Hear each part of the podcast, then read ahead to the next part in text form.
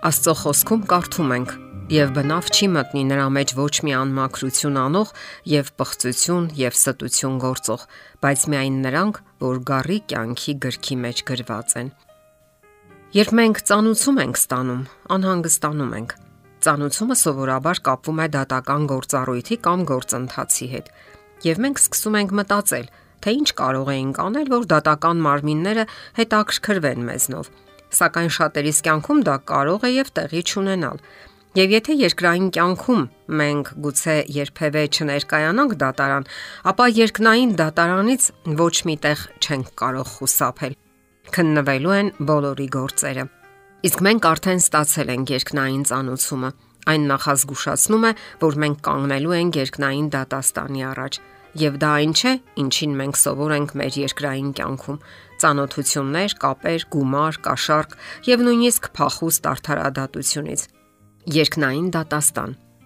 Այս լուրը խորապես անհանգստացնում է մեզ։ Չէ որ կանգնելու ենք այնպիսի մի դատաստանի առաջ, որտեղ չի վրիպելու ոչ մի մանրուկ, ոչ մի արարք, միտք կամ նույնիսկ հույզ։ Այդպիսին է երկնային դատաստանը։ Եվ դա նույնիսկ լավ է, Չէ որի վերջո հաղթանակելու է արդարադատությունը։ Այն, ինչը ողջ մարդկության դարերի երազանքն է։ Այլապես դարձյալ շահողները կլինեին այս աշխարհի ուժեղներն ու մեծավորները եւ խոշոր գումարներին տիրողները։ Ուսումնասիրելով դատաստանի դատի թեման շատ մարդիկ հուսահատվում են Նրանք մտածում են, որ երբեք չեն կարող հասնել բարոյականության եւ առաքինության այն մակարդակին, որ պահանջում է Աստվածաշունչը։ Նույնիսկ Հիսուսի առաքյալներն անհանգստացան մտածելով, որ դա անհնար է։ Կարդում ենք. Եվ նրա աշակերտները, երբ որ լսեցին, շատ զարմացան եւ ասացին. «Ապա ով կարող է փրկվել» եւ հնչեց Հիսուսի պատասխանը՝ խիստ ուշագրավ եւ հույսով լի։ Մարդկանց կողմից դա անկարելի է, բայց Աստծո կողմից ամեն բան կարելի է։ Ուրեմն, Աստծո կողմից դա հնարավոր է։ Աստծո համար ոչ մի անկարելի բան չկա, իսկ մենք չենք կարող ոչ մեզ փրկել, ոչ էլ մեր ուժերով պահել Աստծո բոլոր պատվիրանները։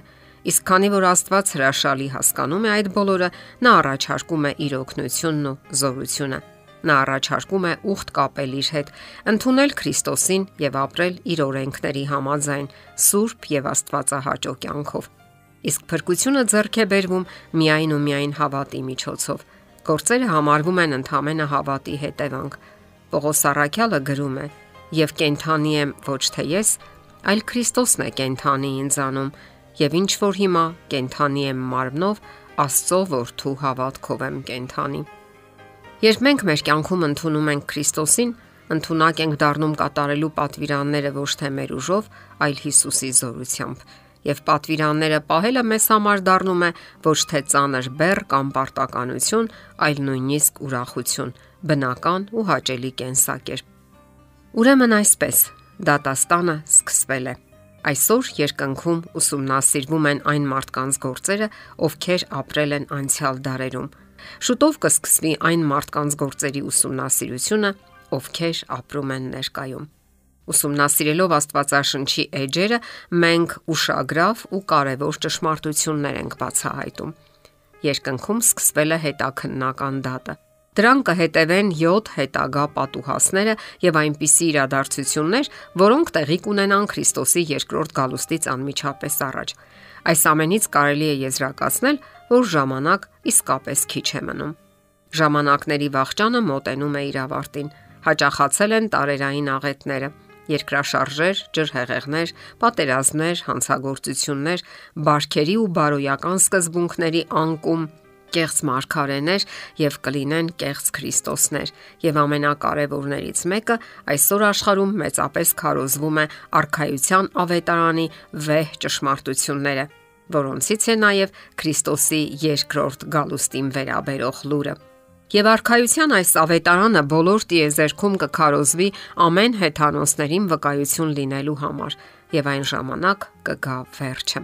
Ասենք որ Աստվածաշնչում չի ասվում, թե երբ է վերադառնալու Քրիստոսը, սակայն գրվում է այն նշանների մասին, որոնք նախորդելու են նրա գալստյանը։ Կարդում ենք. Երբ որ այս ամենը տեսնեք, իմացեք, որ մոտ է դռներին է Երկինքն ու երկիրը կանցնեն, բայց իմ խոսքերը չեն անցնի։ Իսկ այն օրվա եւ ժամի համար ոչ ոք չգիտի, ոչ էլ երկնքի հրեշտակները, բայց միայն իմ հայրը։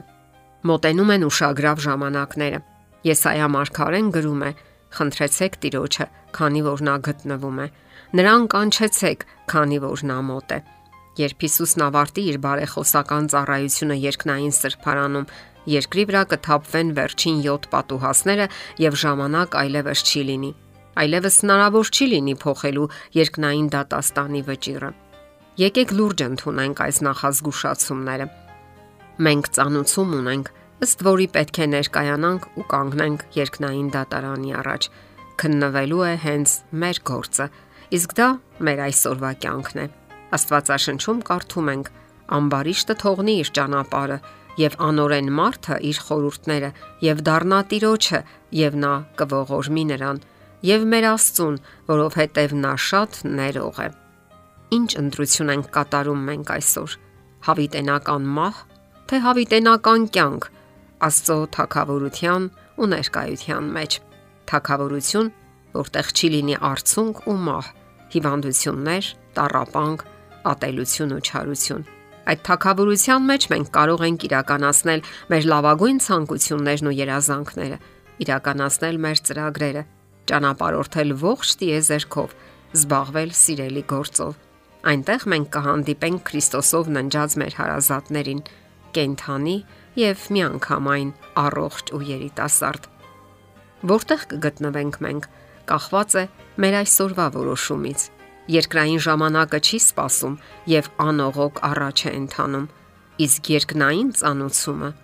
մենք արդեն ստացել ենք։ Եթերում է ղողանջ հավերժության հաղորդաշարը։ Ձեզ հետ է Գեղեցիկ Մարտիրոսյանը։ Հարցերի եւ առաջարկությունների համար զանգահարել 033 87 87 87 հեռախոսահամարով։